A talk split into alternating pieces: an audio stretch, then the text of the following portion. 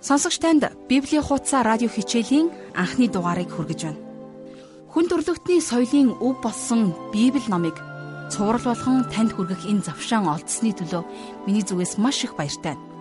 Хэдийгээр олон зуун монголчууд Христийн сүм цуглаан дээр Библиэд танилцж байгаач та бидний гар дээр байгаа Библи үнэндээ ямар утга учиртай ном болохыг энэхүү радио хичээлийг сонссноор та мэдэж авах болно.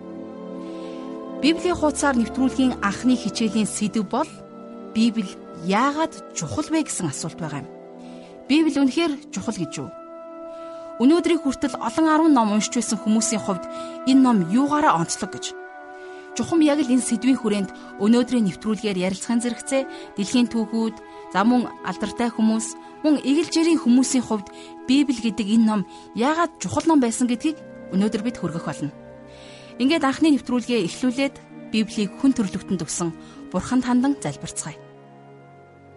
Бурхан минь, таны бидэнд өгсөн Библийг эхнээс нь зөвөр ойлгож, таныг таньж мэдэн. Таны бидэнд хандсан хүсэл төлөвлөгөөгтэй нь ойлгож авахыг бид хүсэж байна. Бидний зүрх сэтгэлийг зөөлөн ойлгуулж өгөөрэй. Энэ боломжийг гаргаж өгсөн таньдаа бид талархаж байна. Амен. Хичээлийг маань Библийн багш жаргал хөтлөн явуулах болно. Ингээд хамтдаа түүний анхны хичээлд анхаарлаа хандуулъя.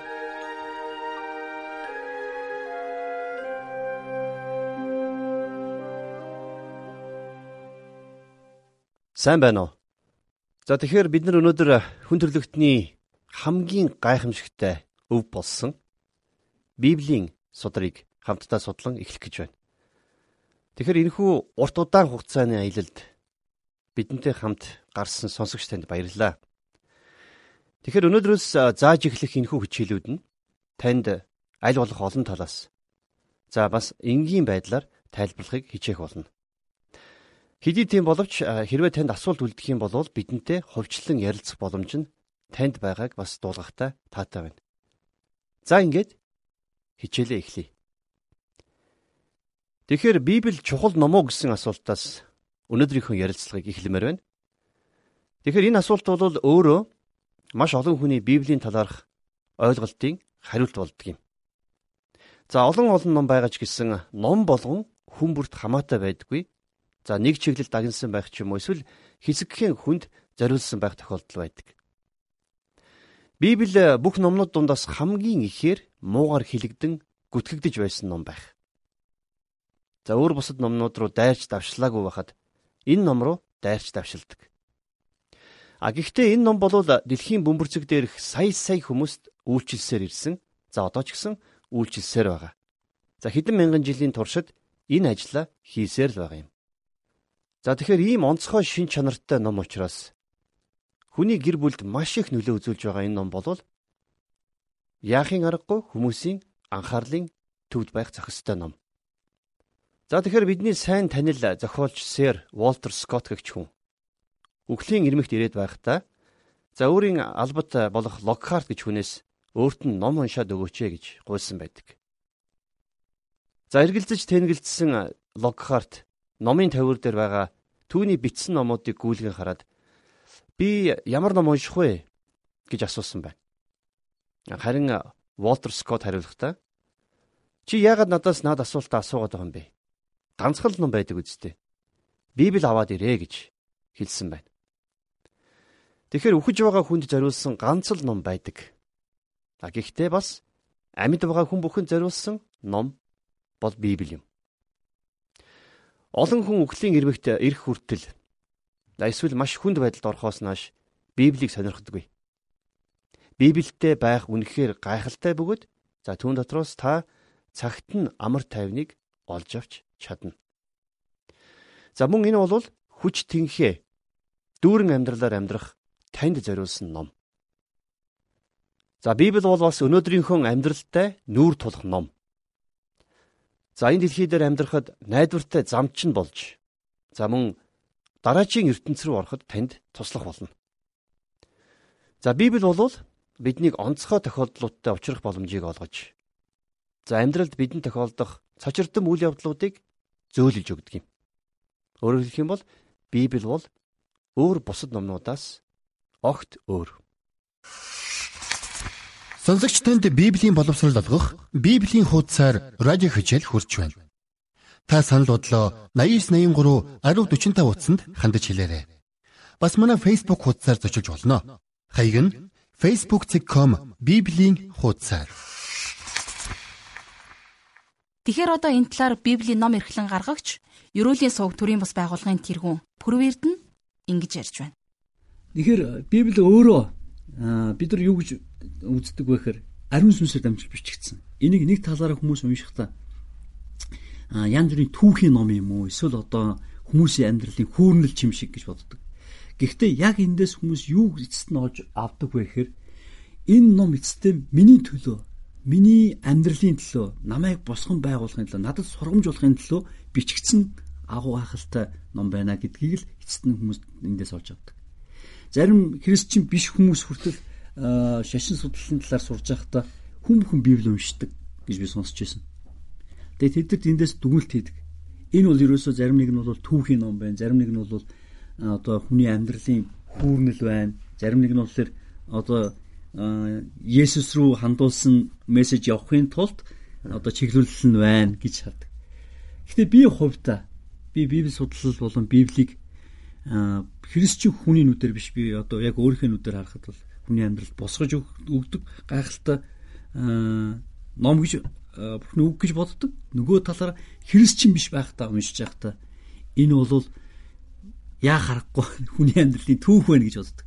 Энэ хоёрын эцэст нь ялгааг нь би өнөөдөр өөрийнхөө би олоод харахтаа юу гэж бодож байна вэхээр яахын харахгүй бурхны нөгөө хүмүүсийг босгон байгуул хүмүүсийг аврах гэсэн хүмүүс өөрийнхөө үн цэнийг мэдрүүлэх гэсэн түүх байна үнцэнтэй үг байна гэдгийг би одоо өөрийнхөө амьдралаас өнгөрсөн 10 хэдэн жил Христ итгээд явж байгаа хавьд харж байна.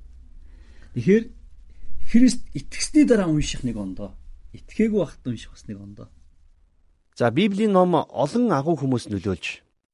За тэдгэр хүмүүс эргээд дэлхийд нөлөөлж байсан жишээ маш олон байдаг. За өмнөөс заримыг нь тантай хуваалцъя. За Африкийн нэгэн ханхүү Англид ирээд За эрхэм дээд сатан хаан Виктори дээр айлчилсан байдаг. За тэрхүү ханхүү Англи улс хүчрэхэг байгаагийн нууц юу вэ гэсэн маш онцгой асуултыг Виктори хатан хаан тавьсан байна. Хатан хаан ханхүүд гоёор үдэж хавцалсан Библийн хуулбарын хамт за энэ бол Английн хүчрэхэг байгаагийн нууц гэсэн үгийг бичээд бэлгэлсэн гэдэг. Харин хожим нь Английн уналт болвол Бурхны үгнээс англи улс холдсонтой холбоотой байхаа гэж би хувьдаа боддгийн. Британий хуулийн ухааныг боловсруулсан за магадгүй хамгийн агуу хүмүүсийн нэг болох ерөнхий сайд Гладсон ийхүү хэлсэн байдаг. Өдрийн сэдвүүдийн талаар ярья гэвч нэг л сэдв байна. Тэр нь сайн мэдээ юм. Сайн мэдээ бүх зүйлийг засаж чаднаа. А бас засах болно. Их Британийн оргилд нь яваа бүх ирчүүд Христэд итгэдэг хүмүүс гэдгийг хэлэхдээ баяртай байна. Би 58 жил төрийн алба хашсан. Гэхдээ үүнээс 11 жилийг нь Британий засгийн газрын сайд нарын тэнхимд ажилласан. Харин 47 жил нь уг зууны 60 гарамгай сод ухаантнуудтай хамтарч ажиллах завшаан тохиосон юм. Гэхдээ бүх 60 хүний 5 нь Христэд итгэдэг байлаа. За миний бодлоор өнөөдөр дэлхий дээр тохиолдож байгаа асуудлуудын учир шалтгаан нь бидний оргилд яваа хүмүүсээс дэндүү цөөхн нь Христэд итгэдэг хүмүүс байгаад.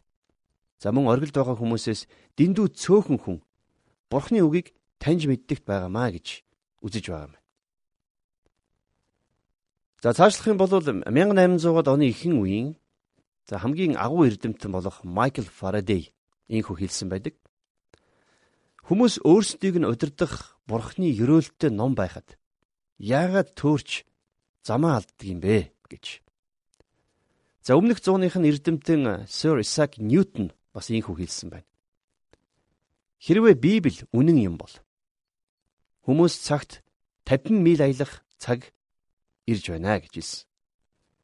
За мөн Францын үл итгэгч зохиолч, түүхч, философч Войлдер түүнийг шүүмжлэн Хөөхи Исаак тэр зөгнөлөө хэлж байхдаа зөнгөлжгсөн байж дээ.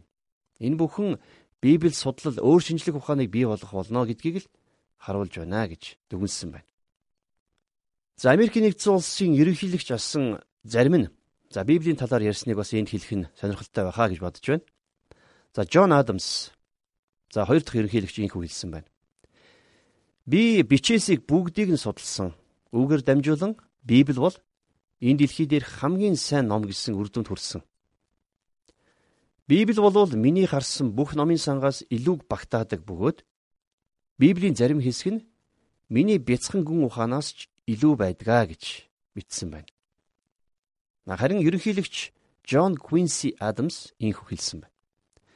Би дэлхийн ирчүүдэд дэлхийн хүний хуваар ярьж байна. Би та нарт хэлж байна. Судрыг судал.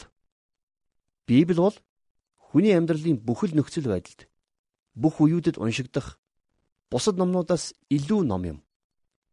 Нэг юм уу хоёр удаа уншаад хажуу тийш нь тавих биш. Харин өдөр бүр багаагаар унших ном юм. За тэгэхээр Америкийн нэгдсэн улсыг хүчрхэгжүүлсэн өмнөх ерөнхийлөгчд хэлийн чандын дайн байлдаанд оруулалгүй. За мөн годомчнуудын асуудлуудыг шийдэж чаддаг байсан. Хин нэг нь магадгүй асуудлууд одоогийн шиг тиймч төвөгтэй байгаагүй шүү дээ гэж хэлэх баг.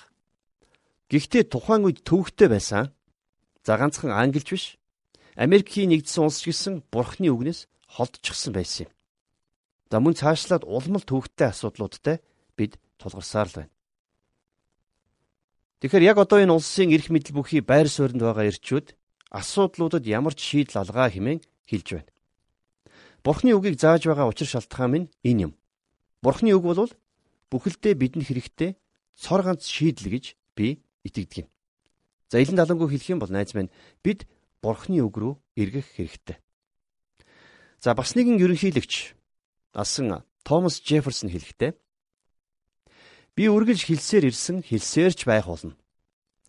Ариун номыг хичээнгүйлэн унших нь илүү сайн иргэн, илүү сайн нөхөр, илүү сайн эцгүүдийг бий болгох болно гэж.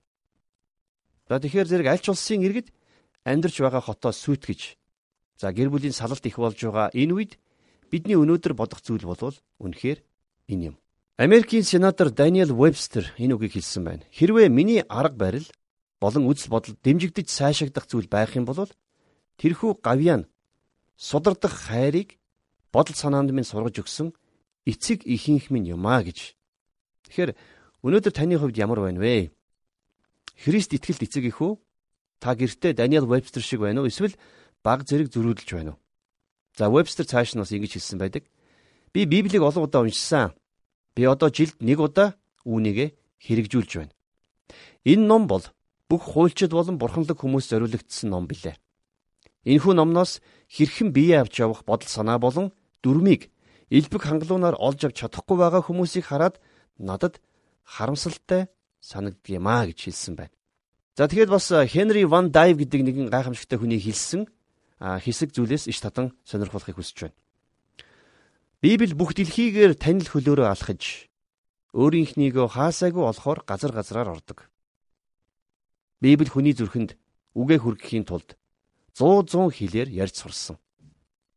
Хаан бол хамгийн дээд нэгний боол гэдгийг хэлэх гэж Библи ордон руу орж ядуу тариачин бол бурхны хүү гэдгийг батлан хэлэх гэж Библи жижигхэн байшин руу ордог.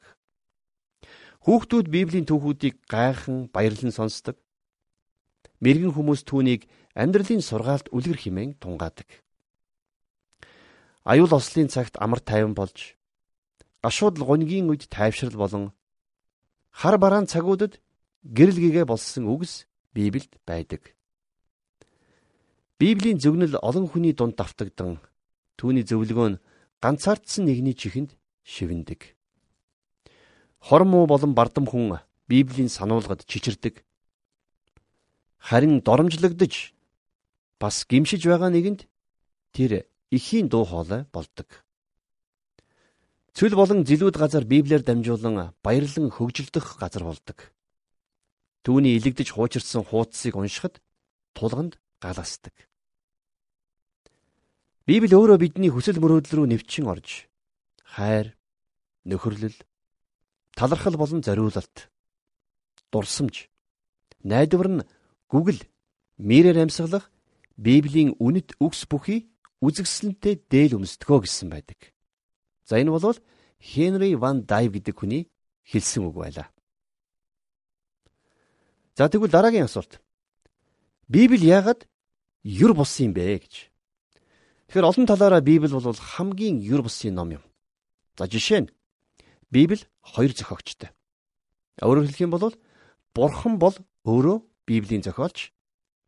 За бас нөгөө талаасаа хүн Библийн зохиолч юм. Үнэн дээр бол Библийг 40 хүн 1500 орчим жилийн туршид бичсэн юм. Тэдгээр хүмүүсийн зарим нь бие биенээ хизээж сонсож байгаагүй бөгөөд за тэдгээр 40 хүн хоорондоо үгсэж тохирсон зүйл огт байхгүй. Тэдний хоёр эсвэл гурван л хамт байсан. Харин бусд нь бие биенээч мэддгүй тийм үеүүдэд амьдарч байсан. За бас тэгээд э, тэд нар бичигдэж байсан номнууд дундаас хамгийн гайхамшигтай үргэлжлэл бүхий номуудыг төлөөлдөг.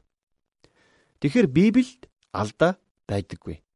Зохиолч бүр өөрийнхөө мэдрэмжийг өөрийнхөө үед илэрхийлсэн байдаг. Хүн бүр өөрийн гэсэн хязгаарлагдмал байдалтай бөгөөд өөрсдийн гэсэн алдаа гаргаж байсан. За жишээ нь хөөрхийн насан өндөр болсон Мосе гэж хүн алдаа гаргаж байсан.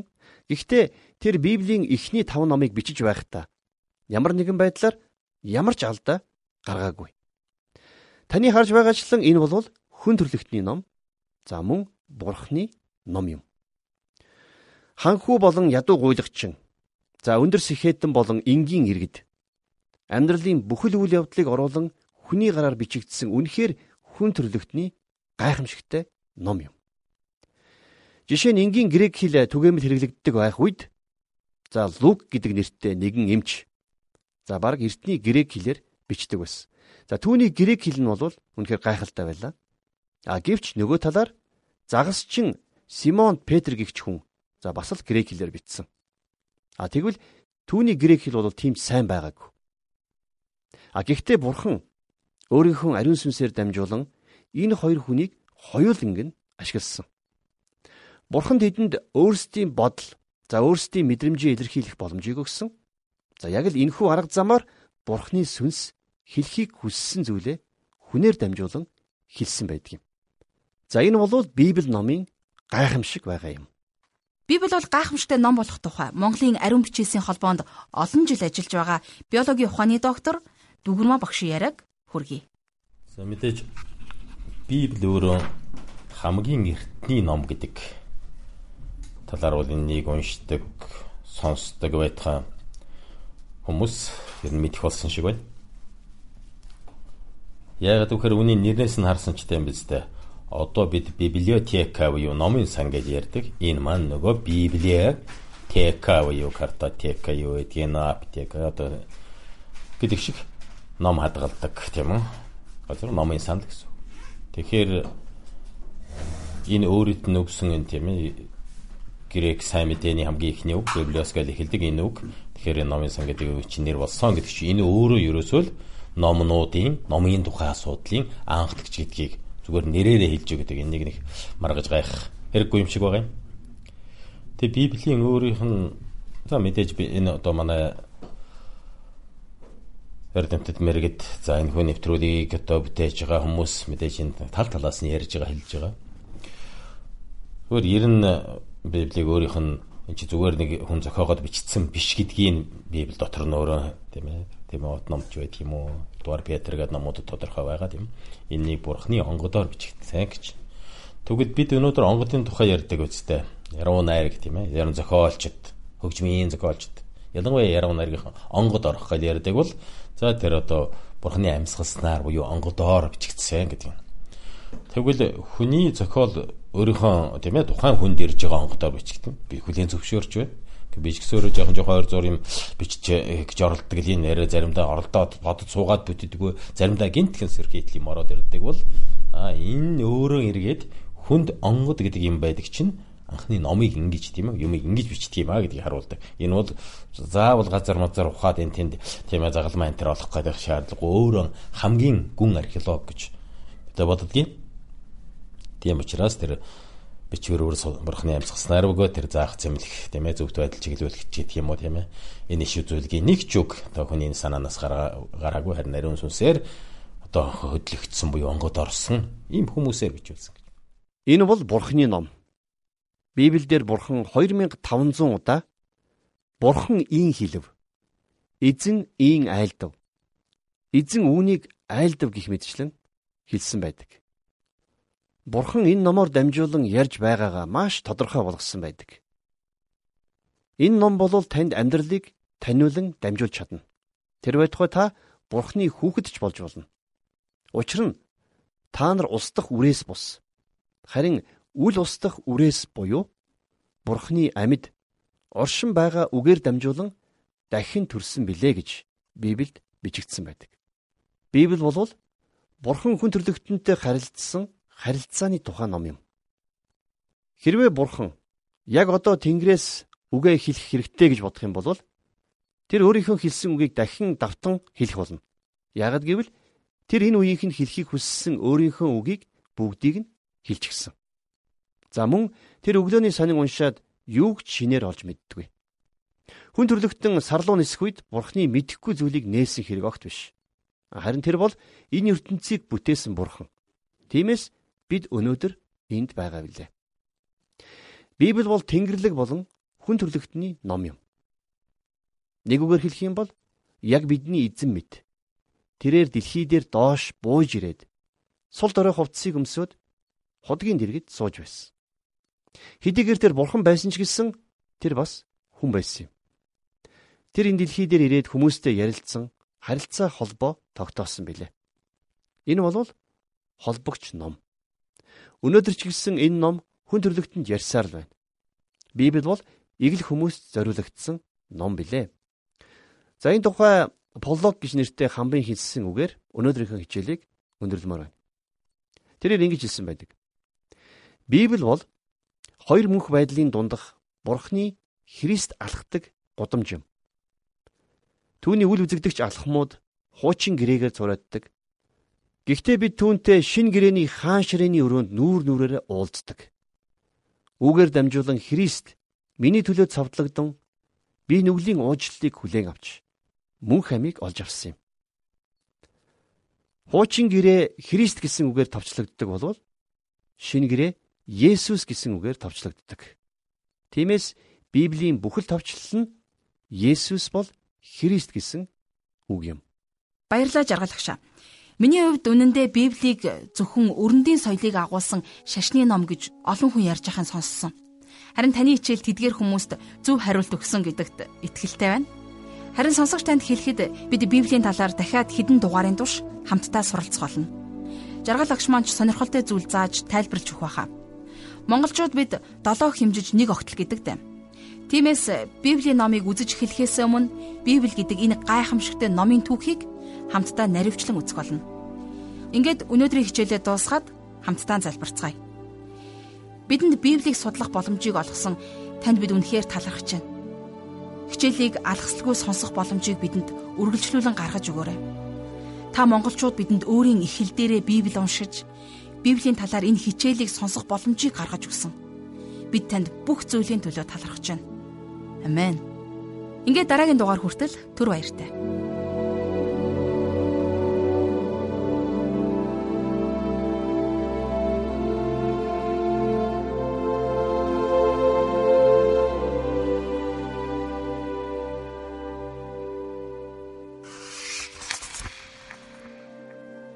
Сонсогч танд Библи ивэл төрийн бус байгууллагын захиалагт Библийн хуудасаар радио хичээл хүрлээ. Энэхүү хичээл маань даваагаас баасан гарагийн 14 цаг 5 минутаас танд хүрж болно. Та санал бодлоо 8983 1045 утсанд болон манай Библи хуудас @gmail.com цахим хаягт хандаж ирүүлээрэй.